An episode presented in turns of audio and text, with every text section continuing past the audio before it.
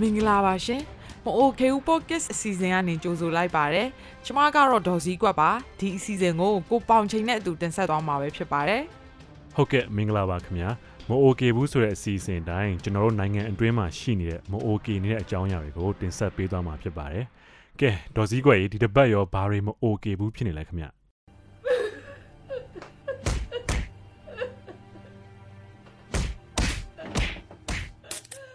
ဟုတ်ကဲ့ကိုပေါင်ချိန်ရေးကျမတို့ဒီတစ်ပတ်မှာတော့ပေါ့နော်အိမ်တွင်းအကျန်းဖက်ခံနေရတဲ့သူတွေဘယ်လို့မ okay နေဘူးလဲဆိုတာကိုဆွေးနွေးသွားမှာပဲဖြစ်ပါတယ်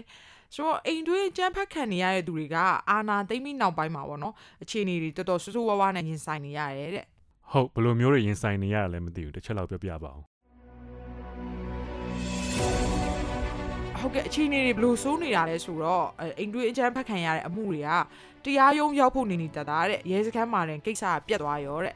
ဆိုတော့ကျွန်မဟိုတနေ့တုန်းကပေါ့နော်ရှမ်းပြည်နယ်ဘက်မှာဥပဒေထောက်ကူပြုတ်ပေးနေတဲ့နန်းဆိုတဲ့တယောက်နဲ့စကားပြောကြည့်ဖြစ်တည်ရဲ့ဆိုတော့သူတို့ဘက်မှာဆိုလို့ရှိရင်အာနာသိမ့်ပြီးနောက်ပိုင်းမှာအိမ်တွင်းအကျန်းဖက်ခံရတဲ့အမှုတွေကနှစ်ဆလောက်မြင့်တက်လာတယ်တဲ့ဒါပေမဲ့အမှုဖွင့်တဲ့အပိုင်းမှာကျတော့မရှိတော့ကိုဖြစ်နေရတဲ့ဟုတ်ဘာဖြစ်လို့အဲ့လိုမျိုးအမှုဖွင့်တဲ့အပိုင်းကြတော့လေမရှိသလောက်ဖြစ်နေတာလည်းမသိဘူး ဘာဖြစ်လို့လဲဆိုတော့အိမ်တွင်းအချမ်းဖက်ခံရလို့ရဲစခန်းကိုတွားတိုင်လို့ရှိရင်ရဲတွေကဘလို့ဖြစ်တာလဲပြောပါအောင်။အော်ဟုတ်လားဒီလိုမျိုးဖြစ်တာလားလင်မယားချင်းဖြစ်တာပဲအဆင်ပြေသွားမှာပါပဲဆိုပြီးမှသူတို့တွေကဟိုဂျာတုံးချားဝင်ကျင်တဲ့ပုံစံမျိုးနဲ့နှစ်သိမ့်ပြီးပြန်လွတ်လိုက်တာများနေရပေါ့နော်။အော်ဟုတ်သဘောပေါက်ပြီဟုတ်တယ်အကိုကြီးဒီအမျိုးသမီးတယောက်ဆိုလို့ရှိရင်လေသူ့အမျိုးသားရိုက်လိုက်လို့ပေါ့နော်ဒီတွေး ထွက်တန်ယူနဲ့ဒါပြင်းပြင်းထန်ထန်ဒဏ်ရာရသွားတယ်အဲ့ဒီရဲစခန်းမှာသွားပြီးတိုင်နေပေါ့နော်သူ့အမျိုးသားဘယ်နေရာမှာရှိပါတယ်သွားဖမ်းပေးပါလို့ပြောတာတော့မှအာရဲစခန်းကသူတို့တော့သွားမခေါ်ပေးနိုင်ဘူးကို့ပါလာကူဒီကိုခေါ်လာခဲ့ဆိုတာမျိုးဟိုပြောတာရှိရပေါ့နော်ဆိုတော့လေမြေပြင်မှာအမှုတွေဖွင့်ဖို့စူးစမ်းလို့ရှိရင်ပေါ့နော်ဘလောက်တောင်ခက်ခဲလဲဆိုတာကိုနန်းကအခုလိုမျိုးကျမတို့ကိုပြောပြထားပါတယ်။ဟုတ်နားထောင်ကြည့်ရအောင်နော် အာသာသိမ်းပြီးနောက်မှဆိုရင်ဒီမဖြေရှင်းပေးရှင်းကြမှုပြမျိုးသွားပြီးအမှုဖွင့်ခိုင်းတဲ့ဟာမျိုးလေးရှိပါတယ်ပေါ့ရှိကငါသွားပြီးတော့အမှုဖွင့်ခိုင်းနေပါတော့အမှုဖွင့်ခိုင်းပြီးတော့ဒါကဟိုတရားဥပဒေရသွားချင်းနေဆိုတဲ့ဟာမျိုးတော့ပြောဝင်မဲ့ဒီ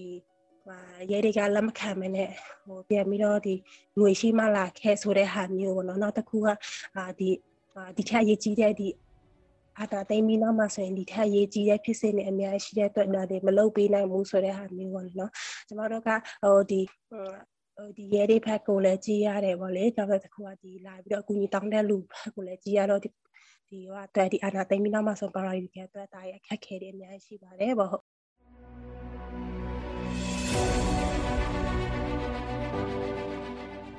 ဆိုတော့အခက်အခဲတွေကတော့အများကြီးပဲပေါ့နော်ဒီအမှုတွေကိုတိုင်ကြားဖို့အတွက် paralegal တွေကရှေ့နေတွေနဲ့ချိတ်ဆက်ဖို့စူးစမ်းပေမဲ့ပေါ့နော်ရဲစခန်းကအမှုတွေကိုလက်မခံတဲ့အပြင်ဒီလိုတိုင်ကြားတာတွေကိုအမျိုးသားကတိသွားတဲ့အတွက်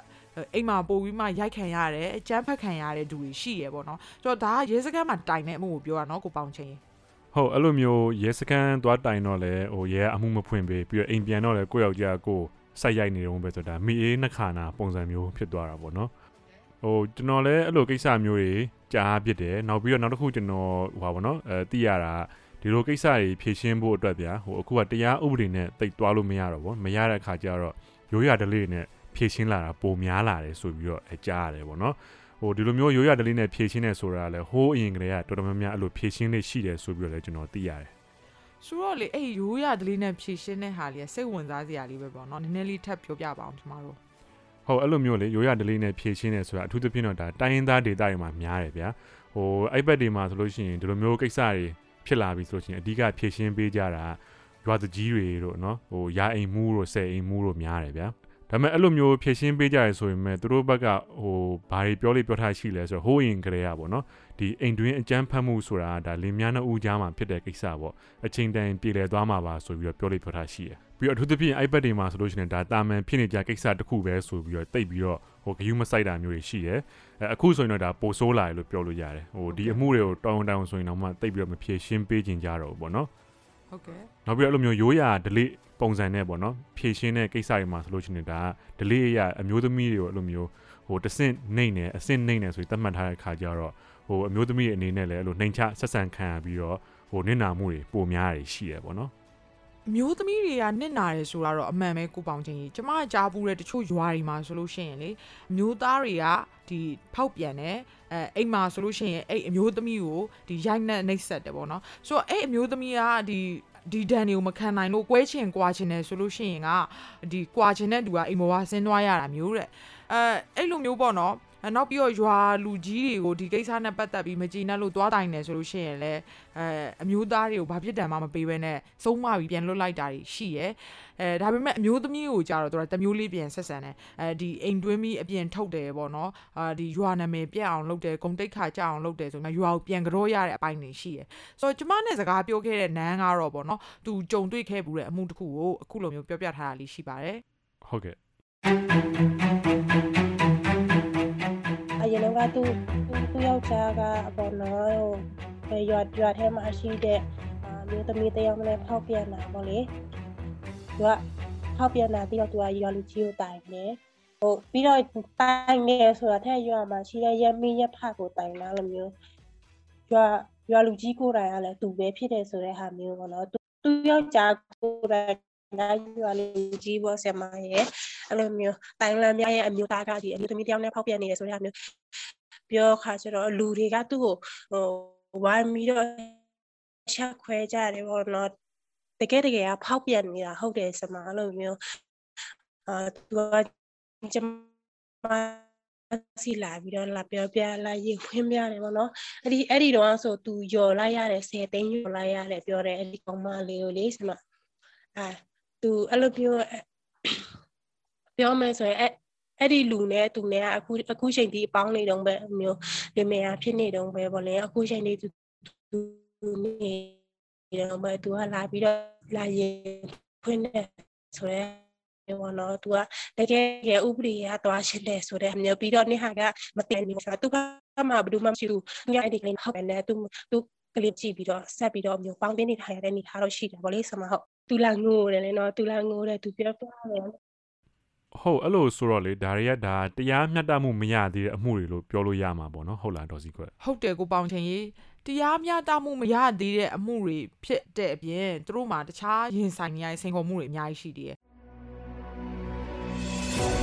ပမာပြောရမယ်ဆိုလို့ရှိရင်ကကွဲဖို့ကွာဖို့လုပ်တယ်ဆိုလို့ရှိရင်အချိန်တွေငွေအခက်ခဲတွေအများကြီးပဲပေါ့နော်ဆိုတော့တရားရင်ဆိုင်ဖို့ကုန်ကြစရိတ်တွေနောက်ပြီးတော့ဒါတရက်နှစ်ရက်နဲ့ပြီးသွားတာမဟုတ်လေအမှုကကြတော့ဆိုတော့အာဒီလိုမျိုးရင်ဆိုင်နေတဲ့တရားရင်ဆိုင်နေတဲ့အတော်အတွင်းမှာနေစရာအခက်ခဲဆိုတော့ကိုယ်နှိမ့်ဆက်နေတဲ့ဒူနာမှာလည်းအမြဲနေလို့မရဘူးလीနော်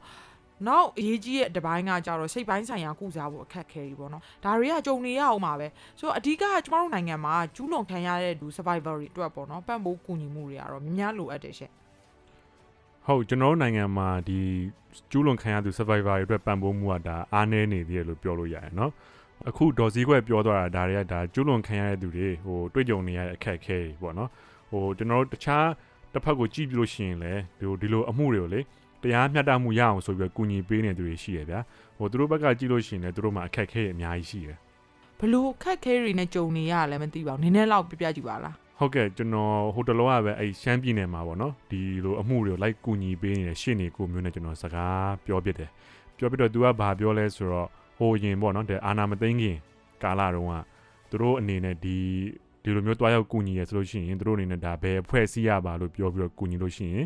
ဟိုတောင်းတိုင်ဘယ်သူမှငွေလဲမတောင်းရဘူးမဟုတ်မဟတ်လဲမလုပ်ရဘူးတဲ့အခုကျတော့စစ်ကောင်စီဘက်ကဗျာဟို registration law လို့ခေါ်တဲ့ဟိုအသင်းဖွဲ့မှတ်ပုံတင်ခြင်းဆိုင်ရာဥပဒေဆိုတဲ့ဟာထုတ်လိုက်တဲ့အခါကျတော့ဒီလိုကူညီနေတဲ့သူတွေအနေနဲ့ပါသူတို့ကဘယ်ဖွဲ့စည်းရလဲဆိုတာပြောဖို့တော်တော်ခဲရင်သွားတယ်လို့ပြောတယ်အဲ့အသင်းဖွဲ့မပုံတင်ခြင်းဆိုင်ရာဥပဒေဆိုလို့လေအဲကျမတို့အဲ့အကြောင်းလေးနည်းနည်းလောက်ပြောပြပါအောင်ဟုတ်အဲ့ဒီဥပဒေကဒါမနစ်ကအောက်တိုဘာ28ရက်နေ့ကထုတ်ပြန်ထားတဲ့ဥပဒေပေါ့နော် ဟိုဒီဥပဒေထဲမှာဘာပါလဲဆိုတော့ဗျာဟိုပြောရမယ်ဆိုလို့ရှိရင်အစိုးရမဟုတ်တဲ့နိုင်ငံတကာအသင်းဖွဲ့ရဲ့အနေနဲ့ပေါ့နော်သူတို့အနေနဲ့မှတ်ပုံတင်တဲ့အခါမှာအဖွဲ့ရဲ့အသေးစိတ်အချက်လက်တွေကိုတင်ပြရမယ်ဟိုပြီးတော့ဒီ data ဆိုင်ရာအုပ်ချုပ်ရေးအဖွဲ့ခွင့်ပြုချက်တွေတောင်းရမယ်ပြီးတော့နောက်ဒီတဘာဝဘေးအန္တရာယ်ဟိုပါဘောနော်ဖြစ်တဲ့အခါမျိုးမှာအလှူဒန်းတွေပါလုပ်မယ်ဆိုလို့ရှိရင်သူတို့ဒီလှုပ်ဆောင်ချက်တွေကိုအသေးစိတ်တင်ပြရတာမျိုးရှိရပေါ့နော် ဟိုအဲ့လိုမျိုးအချက်လက်တွေကိုတင်းတင်းကြပ်ကြပ်ကန့်တက်လိုက်တဲ့အခါကျတော့ဒီလိုမျိုးကူညီခြင်းတဲ့အဖွဲ့အစည်းတွေအနေနဲ့လည်းလောက်ရကန်ရတာပို့ပြီးတော့ကြက်သွားတယ်ပို့ပြီးတော့ခက်ခဲသွားတယ်လို့ပြောလို့ရတယ်ခင်ဗျဟုတ်တယ်နော် အာနာသိန်းပြီးနောက်ပိုင်းကလေးကလေစစ်ကောင်စီကထုတ်ပြန်ထားတဲ့ဒီကြီးညာချက်တွေအဓိကတော့လွတ်လွတ်လပ်လပ်တွာလာခွင့်မရှိတဲ့အကြောင်းမျိုးမျိုးတွေအကြောင်းပေါ့နော်။ကူညီပေးနေတဲ့အဖွဲ့တွေကဒီရော့သွားပြီးတော့ထိထိရောက်ရောက်မကူညီနိုင်တော့တဲ့အခြေအနေရောက်သွားခဲ့တာပေါ့ဟုတ်။ဆိုတော့အဲ့လိုအခြေအနေတွေကြားတွေကဒီဥပဒေကြီးထွက်လာတဲ့အခါကျတော့လက်ရှိကူညီနေတဲ့သူတွေကိုတော့ဒါအားရစေရလို့ပြောလို့ရရရှင် အဲအဲ့ဒါတော့ဟုတ်တယ်ဗျဒေါ်စီကွယ်ဒီလိုအဖွဲ့အစည်းအနေနဲ့ပေါ့နော်သူတို့ကြုံတွေ့နေရတဲ့အခက်အခဲနဲ့ပတ်သက်ပြီးတော့ဟိုကျွန်တော်ရှင်းနေကိုမျိုးနဲ့စကားပြောကြည့်ထားတယ်တခုရှိတယ်။ဟုတ်ကဲ့အာနာသိမ်းပြီးနောက်ပိုင်းကျတော့ကျွန်တော်ဒီ restriction အာဒီကျွန်တော်တို့ဒီအသင်းဖွဲ့မှပုံတင်ဥပဒေနဲ့ပတ်သက်ပြီးတော့မှလည်းကျွန်တော်တို့ကဒီပေါ်ပေါ်တတင်ဟိုကူညီပေးလို့လည်းမရတော့သလိုဒီတနေဝင်တနေထွက်လည်းဟိုခက်ခဲသွားတာပေါ့နော် တာမန်အဖြစ်တော့ကျွန်တော်တို့ကဒီရှင်းနေတယောက်ဆိုလို့ရှိရင်အရုံးကုတ်လေးနဲ့ကျွန်တော်ရုံးချင်းသွားတာပါပါညာဆိုရင်စစ်စေးဂိတ်တွေကအတာလေးတော့ကျွန်တော်ဖြတ်သွားလို့ရတယ်ဒါပေမဲ့ဟိုကျွန်တော်တို့ကဒီစနေတင်ကလေးနေနေလိုမျိုးမှာသွားမယ်ဆိုလို့ရှိရင်ကျွန်တော်ကဟိုရုံးကုတ်ဝစ်သွားလို့လာတယ်အစင်ကမပြေဘူးရုံးပိတ်ရကြီးနေပေါ့နော်အဲ့တော့ဝစ်သွားရင်တော့ရပါတယ်ဒါပေမဲ့ကျွန်တော်တို့ကလည်းဟိုဟိုဟိုဘယ်လိုပြောမလို့ apple risk မယူရမယူချင်တာပေါ့နော်အဲ့ဒီအတွက်ကြောင့်ဟိုကျွန်တော်တို့ကဒီစနေတင်တွေသွားမယ်ဆိုလို့ရှိရင်လည်းအပြင်ဝင်းတွေကလည်းအဆင်မပြေပြောင်းအဲ့ဒါအပြင်ဝင်းနဲ့သွားမယ်ဆိုရင်အဲစစ်စေးဂိတ်တွေကဟို ဘယ်လိုပြောလူလူတကိုစိတ်တစ်ခုလေနော်ဟိုဒီဒီဒီရက်ကြရင်လည်းဒီဖုန်းတွေပါစစ်ချင်စင်မယ်နောက်ရက်ကြရင်လည်းဘာမှမစစ်ပဲ pass ပေးချင်လည်းပေးလိုက်မယ်ဆိုတဲ့အနေအထားမျိုးကြောင့်ကျွန်တော်ကခံမှန်းရခက်တယ်ပေါ့အဲ့တော့ဒီဖုန်းတွေပါတွေဆိုတာလည်းငကိုဒီအချမ်းဖတ်မှုတွေနဲ့မှာလိုက်နေတာတွေ့နေရတဲ့အခါကျတော့သူတို့ကလည်းပြဿနာရှာခြင်းလည်းရတယ်မရှာခြင်းလည်းရတယ်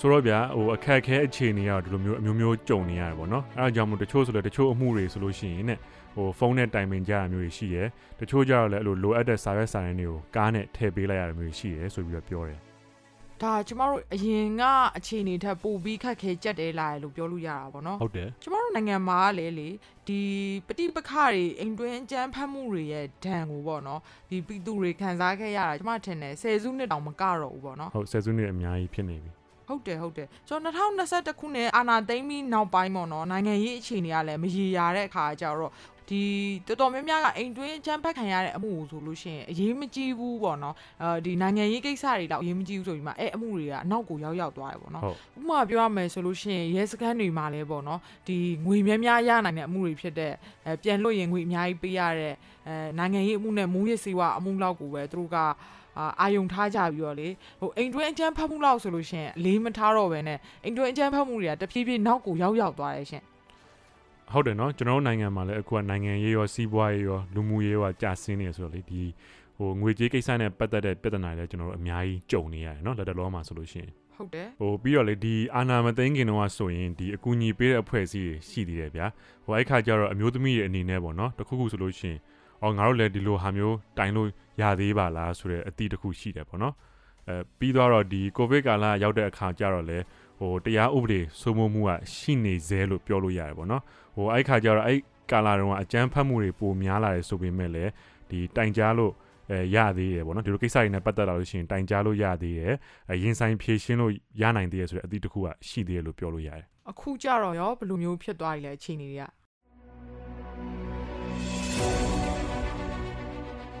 ဟုတ်အခုဒီအာနာသိမ့်ပြီးနောက်ပိုင်းကြာတော့ဗောနော်ဟိုတရားဥပဒေအရပါလုံးဝဖြည့်ရှင်းလို့မရတဲ့အခြေအနေဖြစ်သွားတယ်ဗောဒါအရန်ကိုခက်ခဲတဲ့အနေအထားလို့ကျွန်တော်တို့ပြောလို့ရတယ်ဟုတ်အာကဲ့ကျွန်တော်နဲ့စကားပြောခဲ့တဲ့ကိုမျိုးပြောပြတဲ့ပုံစံဆိုလို့ရှိရင်ဟိုသူ့အနေနဲ့ဗောနော်အမှုတစ်ခုကိုရင်ဆိုင်ဖို့အတွက်ထားပေါ်ရက်ွက်ထဲမှာတက်တွေကိုတွားခေါ်ရမယ်လို့ဘာလို့ဖြစ်ခဲ့တယ်ဆိုလို့ရှိရင်ဟိုရဲတွေကိုယ်တိုင်ကလည်းတိတ်မလိုက်ချင်ဘူးတဲ့ဘာလို့လဲဆိုတော့အခုအချိန်မှာဗျာရက်ွက်ထဲမှာဟိုလက်ရဲစရဲတွေများလာတယ်လေများလာတော့ရဲတွေကိုယ်တိုင်ကလည်း တွားပြီးတော့မခေါ်ရဲတာမျိုးတွေရှိရဲတဲ့ ဟုတ်ကဲ့ကျမတို့နိုင်ငံမှာကလည်းလေဒီတရားဥပဒေအရာဖြည့်ရှင်းဖို့ကလည်းတလုံးမှာလမ်းပြောက်နေရလို့တောင်ပြောရမလားပဲเนาะ ဟုတ်တယ် တကယ်တော့လေတရားရုံးကိုတိုင်ဖို့ရွေးချယ်ကြတယ်ဆိုတာဒါတော်တော်နည်းတဲ့လူနည်းစုရပဲပေါ့နော်တိမခံနိုင်တဲ့အဆုံးကြမှာရွေးတယ်လို့ပြောလို့ရတယ်နောက်ပြီးတော့ဒီလိုရွေးချယ်လို့ရတယ်ဆိုတာသိရတဲ့သူကလည်း အဲနည်းနည်းလေးပဲလူတစုပဲရှိရလို့ပြောလို့ရတယ်ပေါ့နော်ဟိုကျမတို့တိုင်းရင်းသားဒေသတွေမှာတွားကြည့်မယ်ဆိုလို့ရှိရင်ကအမျိုးသမီးတွေအိမ်တွင်းအကျန်းဖက်ခံနေရတယ်အမျိုးသမီးတွေရိုက်ခံနေရတယ်ဆိုတာကအဲသူတို့အနေနဲ့ဒါတာမန်ဖြိုးဖြစ်စင်မဲလို့သတ်မှတ်ထားကြတယ်ပေါ့နော်ဒီကိစ္စကိုတိုင်လို့ရတယ်ဆိုတာကိုသိရတဲ့သူကလူနည်းစုပဲရှိရဟုတ်ဆိုတော့ အဲ့လိုမျိုးမသိတဲ့သူတွေကိုသိအောင်အသိပညာပေးတဲ့ကိစ္စတွေကိုကြတော့ဒီ paralegal ပေါ့နော်ဥပဒေဘိုင်းဆိုင်ရာကုညီထောက်ပံ့ပေးနေတဲ့သူတွေအဖွဲ့အစည်းတွေကပြုလုပ်နေကြရပေါ့နော်ဆိုတော့သူတို့တွေကကိုဗစ်ကာလမှာပညာပေးတဲ့လုပ်ငန်းတွေကဒီအရင်ကလောက်တော့မလုံနိုင်တော့ဘူးလို့ပြောလို့ရတယ်အာနာသိမ့်ပြီးနောက်ပိုင်းတော့ဒီပညာပေးတဲ့လုပ်ငန်းအခြေအနေတွေကအရင်ကထက်ပိုပြီးဆိုးသွားတယ်လို့ပြောလို့ရတယ်ပေါ့ရှင် ဟုတ်အဲ့လိုလေပညာပေးလုပ်ငန်းတွေလုပ်ရတာပို့ပြီးတော့ခက်ခဲလာရဲဆိုတာလည်းကျွန်တော်သိရတယ်ဟိုပြီးတော့အဲ့ဒါကြောင့်မို့လို့ပဲတချို့ကလည်း online ပေါ်ကနေပဲပညာပေးလုပ်ငန်းတွေလုပ်လာရဲဆိုပြီးတော့ရှိလာတယ်ပေါ့နော်ဟိုတချို့ကကြတော့အခုချိန်ထိပေါ့နော်မြေပြင်မှာတက်ဆွန့်ဆံပြားသွားပြီးတော့ပညာပေးလုပ်နေရလည်းရှိသေးတယ်လို့ကျွန်တော်သိရတယ်ပေါ့နော်ဟုတ်ကဲ့ဟိုရှင်းနေကိုမျိုးပြောသွားတဲ့အထဲမှာဆိုလို့ရှိရင်ဟိုသူတာဝန်ယူထားတဲ့ data တစ်ခုမှာတဲ့ဟိုလက်နက်ကင်တွေပေါ်တယ်လို့ပြောတယ်ပေါ့နော်အဲ သူတို့တော့ဒါလူအများစုကပြည်သူစစ်လို့ခေါ်မလားမသိဘူးပေါ့နော်ဟိုအဲ့ဒီနေရာတွေမှာအဲ့ဒီရွာတွေမှာတွားပြီးတော့ပေါ့နော်ဒီကြားမရေးရအခြေပြုအကြမ်းဖက်ခံရတဲ့အကြောင်းတွေပေါ့နော်တွားပြီးတော့ပညာပေးတွားပြောလို့ရှိရင်သူတို့ဘက်ကအမြင်တစ်ခုရှိရဗျာအဲ့ဒါဘယ်လိုလဲဆိုတော့ဟိုနိုင်ငံရေးတက်ကြွလှုပ်ရှားတဲ့သူတွေကိုမွေးထုတ်ပေးတာ NGO တွေဆိုတဲ့အမြင်တစ်ခုရှိရပေါ့နော်ဩဟုတ်လားအဲအဲ့လိုဟုတ်တယ်ဆိုတော့အဲ့လိုအမြင်တွေရှိတဲ့အခါကျတော့ဟိုအဲ့ဒီနေရာတွေကိုဒီလိုအဖွဲ့အစည်းတွေအနေနဲ့တွားပြီးတော့ ပညာပေးဖို့ကူညီဖို့ဆိုတာပို့ပြီးတော့ခက်ခဲစေရတဲ့ဟိုပြီးတော့စစ်ကောင်စီဘက်ကလည်းထုတ်ပြန်ချက်တွေကိုဗျာထုတ်ချင်တယ်လို့ထုတ်နေတဲ့အခါကျတော့ဟိုပြောရမယ်ဆိုရင်ကျွန်တော်တို့အနေနဲ့ကဟိုဘသူ့ကိုအဖေခေါ်ရမလဲမသိဘူးဖြစ်နေတာပေါ့ဗျာဟုတ်တယ်နော်ဒီခုနကကိုပေါင်ချိန်ပြောလို့လေ online ကပညာပေးတယ်ဆိုလို့ရှိရင်ကျမထင်တယ်တော်တော်ခက်ခဲမလားမသိဘူးကျမတို့နိုင်ငံမှာလက်ရှိအခြေအနေရက internet line တွေကလည်းအရမ်းမကောင်းဘူးဟိုမီးတွေကလည်းအချိန်နဲ့ပေးနေရပေါ့နော်ဆိုတော့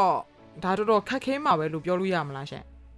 ဟုတ်ပြောလို့ရတယ်ဟိုကျွန်တော်တို့နိုင်ငံကလေအစတည်းကဒီ internet တို့ဘာတော့တိတ်အားမကောင်းလေနော်ဟိုအားမကောင်းတဲ့ပြင်အခုခါကျတော့အဲ့လိုမျိုး online ကနေပညာပေးဖို့ဆိုတာပို့ပြီးတော့အကန့်အသတ်တွေများလာတယ်ဗျာဟိုအရင်တော့ဆိုလို့ရှိရင်ဗျာဒီပညာပေးလုပ်လို့ရတဲ့သတ်မှတ်ထားတဲ့ရွာတွေရှိရဗျာအခုကျတော့အဲ့လိုမျိုး internet သုံးရတာလွယ်တဲ့ data တွေလည်းရှားလာတယ်ပြီးတော့ဒီနည်းပညာပိုင်းဆိုင်ရာကိုကျွမ်းကျွမ်းကျင်ကျင်အသုံးပြုတတ်တဲ့လူတွေလည်းရှားလာတယ်ပေါ့နော်အဲ့ခါကျတော့ပ ညာပေးလုပ်မယ်ဆိုရင်နေရာကိုလည်းရွေးရတယ်လူတွေကိုလည်းပို့ပြီးတော့ရွေးချယ်လာရတယ်ပေါ့နော်ဩတဘောပေါက်ပြီဟုတ်ဟိုပြီးတော့ဗျာဟိုပုံမှန်အခြေအနေမျိုးမှာဆိုလို့ရှိရင်ဒီလိုမျိုးအိမ်တွင်းအကြမ်းဖက်ခံရတယ်ဆိုတာဒါအခြေခံလူဒန်းစားတွေကြားမှာဖြစ်တာများတယ်ဗျာဆိုတော့သူတို့အနေနဲ့ကလည်းဒါကိုယ်စားဝင်နေရကိုအာယုံစိုက်နေရတဲ့ခါကျတော့ဟိုဘယ်လိုမျိုးဖြစ်တယ်လဲဆိုတော့အရင်တော့ဆိုလို့ရှိရင်သူတို့တင်တန်းတွေပါတက်စေခြင်းလို့ရှိရင်သူတို့တင်တန်းတက်ဖို့အတွက်ဆိုပြီးတရက်စာစီးရိတ်ပေးပြီးတော့တင်တန်းကိုခေါ်ရတာမျိုးတွေရှိရပေါ့နော် အခုကျတော့ဘာဘာတွေရှိလဲဆိုတော့သူတို့ကဒီဖုန်းတစ်လုံးနဲ့ကိုလင်မယားနှစ်ယောက်သုံးရတာမျိုးတွေရှိတယ်ဟိုပြီးတော့ဖုန်းကတခြားဟာသုံးလို့မရဘူးဗျာဟိုဖုန်းခေါ်လို့ရတဲ့ဖုန်းတွေပဲသုံးနိုင်တာမျိုးတွေရှိလာတဲ့ခါကျတော့ online ကနေပညာပေးဖို့ဆိုတာဒါတော်တော်ပို့ပြီးတော့ခက်ခဲလာတယ်လို့ပြောတယ် အဲ့ဒါဆိုတော့ဒီသင်တန်းပေး online ကနေသင်တန်းပေးဖို့အတွက်ကတော်တော်ခက်ခဲတယ်လို့ပြောလို့ရမယ်ထင်တယ်နော်ဟုတ်ဆိုတော့လေကျွန်တော်တို့ဒီအခြေအနေတွေကိုကြော်လွှားနိုင်ဖို့ပေါ့နော်ဒီအဲကျမနဲ့စကားပြောဖြစ်ခဲ့တဲ့နန်းကတော့ပညာပေးလုပ်ငန်းတွေကိုတဲ့ကွင်းစင်းလှုပ်ဆောင်နေရပေါ့နော်ဒါပေမဲ့ तू အဲ့လိုမျိုးကွင်းစင်းလှုပ်ဆောင်နေတဲ့အတွက်တစ်ဖက်မှာလည်းချင်းချောက်ခံရတာတွေနဲ့ကြုံနေရရပေါ့နော်ဆိုတော့ကွင်းစင်းလှုပ်ဆောင်တဲ့အခါမှာဘလို့အခက်အခဲတွေနဲ့ကြုံရရလဲဆိုတဲ့ဟာကိုအခုလိုမျိုးပြောပြထားပါတယ်ဟုတ်တစ်ချက်လောက်နားထောင်ကြည့်အောင်နော် ရွာကလေဆမအဓိကသူတို့အချောင်းပြရတာကဘောနော်ကိုဗစ်ပေါ့နော်ကိုဗစ်ကိုမှာကြောက်လို့ဆိုတဲ့ဟာမျိုးရှိတယ်နောက်တစ်ခုကပါရှိသေးတယ်ဆိုတော့ကိုဗစ်အပြင်ပေါ့နော်ဒီနင်တို့ကနင်တို့တင်တန်းလာပေးတဲ့ချိန်မှာဆိုရင်မတော်လို့နိုင်ငံရေးအကြောင်းပြောတယ်ဆိုရင်ပေါ့နော်နင်တို့ကဘာပြောလို့ပြောမှမသိပေါ့နော်မြို့နိုင်ငံကြောင့်နိုင်ငံရေးအကြောင်းလေးပါလာရင်ကတော့ရွာတွေမှာဟိုချုပ်လာမယ်အခက်ခဲဖြစ်လာမယ်ပေါ့လေဆိုတော့ ပြီးတော့နင်တို့လာပြောတာကဒီဂျာမဟိုဒီဟိုဒန်တူညီမြအကြောင်းနဲ့အကြမ်းဖက်မှုအကြောင်းတွေပေါ့လေနော်အဲ့လိုမျိုးလာပြောတာကငါတို့ရဲ့ပိုးရိုးရနဲ့မညီဘူးဆိုတဲ့ဟာမျိုးပေါ့လေနော်ပြီးတော့နင်တို့လာပေးတဲ့အယူအဆတွေကဟိုအသိဉာဏ်တွေကပေါ့တော့ဒီ အနောက်တိုင်းကလာတဲ့ယဉ်ကျေးမှုတွေဆိုတဲ့ဟာလက်ဖြတ်လာဆိုပြီးတော့လေဆမအဲ့လိုမျိုးလက်မခံတာမျိုးတွေပေါ့လေဆမပြီးတော့သူတို့ကလူကြည့်သေးတယ်ဆမဒီတင်နန်းတပေးတဲ့အချိန်မှာတော့ကျမတို့ဆိုရင်ဒီအာ20ကျော်20ကျော်လူတွေဆိုတော့လေဆမရွာထဲမှာအဲ့မျိုးတင်နန်းတပေးတယ်ဆိုတော့သူတို့ကဟိုလူမယုံကြည်တယ်မျိုးလေဆမ ယုံလည်းမယုံဘူးပေါ့နော်ဘယ်လိုလူမှမသိဆိုတဲ့ဟာမျိုးအဲ့လိုမျိုးလက်မခံတာမျိုးတွေအဲ့လိုမျိုးရှိပါတယ်ပေါ့ဆမအဲ့လိုမျိုးသူတို့ကဟိုသူတို့စီဟိုဟိုတွားပြီးတော့သိပညာမျှဝေတဲ့လူဆိုရင်လုံးဝလူကြီးဟိုဆိုင်နဲ့ဂိုင်းနဲ့ဒီစတုံးနဲ့မှထမင်းနဲ့မှဆိုတဲ့ဟာမျိုးပေါ့နော်ဆမအဲ့လိုမျိုးတားရဲ့အယူကြီးရလေဆမ တအားယူကြည့်ပြီးတော့ဗောနော်ဒီလိုပညာပေးတာတွေလည်းလက်မခံကြတဲ့ခါကျတော့ကျမထင်တယ်အကျန်းဖတ်မှုတွေကဒီထက်အခြေအနေဆိုးသွားဖို့ပဲရှိရယ်အဲအဲ့ဒါကြောင့်လို့လဲနန်းတို့ကတက်နိုင်များစွန့်စားပြီးဒီလိုပညာပေးရဲ့လုပ်ငန်းတွေကိုလုပ်နေတာလို့ပြပြသေးရရှင်ဟုတ်တော်သေးရနော်အဲ့လိုမျိုးလုံနေလူတွေလည်းရှိသေးလို့ဟိုဒါပေမဲ့ဒီတရားဥပဒေဘက်ကပြန်ကြည့်မယ်ဆိုလို့ရှိရင်လည်းဟိုရှင်းနေကိုမျိုးပြောပြထားတာတခုရှိရဗျာဟို तू ကဘာပြောထားလဲဆိုတော့ဒီလိုမျိုးအခက်အခဲကြီးကြားနေပဲပေါ့နော် तू အမှုတစ်ခုကိုရင်ဆိုင်ဖို့ ဟိုစီစဉ်နေတာရှိရပေါ့အဲ့ဒါဘလို့အမှုလဲဆိုတော့ဗျာဟိုဒါဒီနှစ်ပေါင်း20လောက်နှိပ်စက်ခံထားတဲ့အမျိုးသမီးတစ်ယောက်ကကွာရှင်းလို့တဲ့အမှုပေါ့နော်တကယ်ဆိုတော့အဲ့ဒီအမျိုးသမီးပြောတဲ့ပုံအရဆိုလို့ရှိရင်ဒါ तू ကကြောက်ကက်ယောဂတဲ့တဲ့ဟိုသူ့အနေနဲ့ဒီသူ့ယောဂအတွက်ဟိုဆေးတောက်ရတာမျိုးတွေရှိရဗျာဟိုအဲ့ခါကျတော့သူတစ်ခါလေအဲ့လိုမျိုးဆေးအချိန်နဲ့အိပ်ပျော်နေတဲ့အချိန်မျိုးမှာဆိုလို့ရှိရင်သူ့ယောက်ျားကသူ့ကိုနှိပ်စက်တာမျိုးတွေရှိတယ်တဲ့ရိုက်တာမျိုးတွေရှိရပေါ့နော်ဆိုတော့အဲ့ခါကျတော့ဟို तू ကတစ်ခါလေဆိုလို့ရှိရင် ဟို तू ရိုက်လိုက်တဲ့အချိန်မှာတော့မှ तू မတိလိုက်ဘူးပေါ့နော်မနဲ့နိုးလာတော့မှဒီလိုမျိုးနာကျင်ကြိုက်ခဲမှုတွေခံစားရတော့မှသူ့ကိုရိုက်ထားမှန်းတိတယ်ပေါ့နော်ဟုတ်ကဲ့တော်တော်ဆိုးတာပဲနော်ဟုတ်တယ်ဟိုအခြေအနေကတော်တော်ဆိုးတယ်ဟိုပြီးတော့အဲ့လိုမျိုးယောက်ျားကဗျာအရက်မူးပြီးတော့အဲ့လိုအသိစိတ်ပျောက်သွားတဲ့အချိန်မျိုးတွေမှာသူသူ့ကိုဓာတ်နဲ့ရမ်းရှာတာတွေတို့နောက်ပလင်းရိုက်ခွဲပြီးတော့လေဘင်းထောက်တာတွေတို့ပြီးတော့သူသွေးနုသားနုဖြစ်နေတဲ့အချိန်မှာသူ့ကိုအဲ့လို3လေးလလောက်ပြစ်သွားတာတွေလည်းရှိတယ်တဲ့ဆိုတော့အဲ့လိုမျိုးတွေပေါ့နော်ဟိုနှိပ်စက်တာတွေလည်းများလာတော့သူကကြာလာတော့ဘလို့မှမခံနိုင်တော့တဲ့အဆုံး ဟိုတရားရုံးမှာအမှုရင်ဆိုင်ခြင်းတယ်ဆိုပြီးတော့သူကဖြစ်လာတယ်ပေါ့နော်ဒါပေမဲ့လည်း तू ဒီလိုမျိုးရင်ဆိုင်ခြင်းတဲ့အချိန်ကလည်းအချိန်ကောင်းကြီးဗျာဟိုအချိန်ကောင်းကြီးဆိုတာကျွန်တော်ပြောချင်တာကဒီလိုမျိုးကိစ္စတွေအတွက်တရားမျှတမှုရဖို့ဆိုတာတော်တော်ခက်ခဲနေတဲ့အချိန်ကြီးလေနော်အခုကဟုတ်ကဲ့ဆိုတော့ဒီသူဒီအမျိုးသမီးအနေနဲ့လည်းဒီလိုအခက်ခဲတွေကိုရင်ဆိုင်အန်တုနိုင်မလားဆိုတော့ကျွန်တော်တို့ဒါစောင့်ကြည့်ရမှာပေါ့နော် ဟုတ်တယ်နော်ဒီရဲ့အမှုအကြောင်းလေးကြားရတာဒါတော်တော်စိတ်မကောင်းစရာပဲလို့ပြောလို့ရတယ်ဟုတ်ဟိုကျမတို့ကတော့ဒီနှိပ်စက်ခံရတဲ့အမှုကတရားမျှတမှုရလားမရဘူးလားဆိုတဲ့ဟာကိုဟိုစောင့်ကြည့်ရမယ်ပေါ့နော်တစ်ဖက်မှာလည်းပေါ့နော်ဒီအမှုကိစ္စတွေကိုတရားဥပဒေအရရင်ဆိုင်မဖြေရှင်းပေးနိုင်ရင်တော့မှာပေါ့နော်ဒီဥပဒေပိုင်းဆိုင်ရာအထောက်အကူပြုပေးနေတဲ့သူတွေကကျူးလွန်ခံရတဲ့လူတွေကိုစိတ်သက်ခွန်အားပေးနိုင်လို့ဆိုပြီးမှလေနန်းကတော့ဒီလိုမြေပြင်မှာတဲ့ရှိလာနိုင်မှုမျှော်လင့်နေတဲ့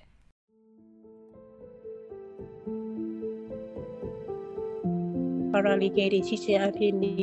survivor တွေအတွက်ပေါ့နော်အဲ့လိုမျိုးအကူအညီဖြစ်တယ်ဆိုတဲ့ဟာမျိုးပေါ့နော်လုံးဝသူတို့ကိုဟိုအာရောက်အောင်မပို့နိုင်တော့သူတို့အတွက်အမျိုးစိတ်ခွာပေးတာမျိုးတွေလေးစမားလိုမျိုးလုပ်ပေးနိုင်တယ်ဆိုတဲ့ဟာမျိုးပေါ့နော်ဒီပါရာလီကယ်တွေအမြဲ တမ်းရှိနေဖို့လိုအပ်တယ်ဆိုတဲ့ဟာမျိုးပေါ့လေဒီလိုက်သူတို့ survivor တယောက်နဲ့တယောက်နဲ့မတူနိုင်ဘူးတယောက်တချို့တွေဆိုဒီစာဝင်နေခက်ခဲတာကြောင့်မလို့အဲ့လိုမျိုးအကူညီလိုနိုင်တယ်လို့ပေါ့နော်တချို့ဆိုရင်ဒီသူရဲ့အမျိုးသားတွေကနှိပ်စက်လို့ဆိုတဲ့ဟာမျိုးအဲ့လိုချိန်မှာဆိုတရားဥပဒေနဲ့တွားရှင်းတာမျိုးတွေပေါ့နော်အဲ့လိုမျိုးလမ်းကြောင်းတွေတွားနိုင်ဖို့ survivor တွေကအကူအညီတွေအများကြီးလုပ်နေပေါ့နော်ဒါပေမဲ့တယောက်နဲ့တယောက်တော့အကူအညီလိုလိုတဲ့ပုံရှင်းတော့မတူဘူးပေါ့လေစမဟုတ်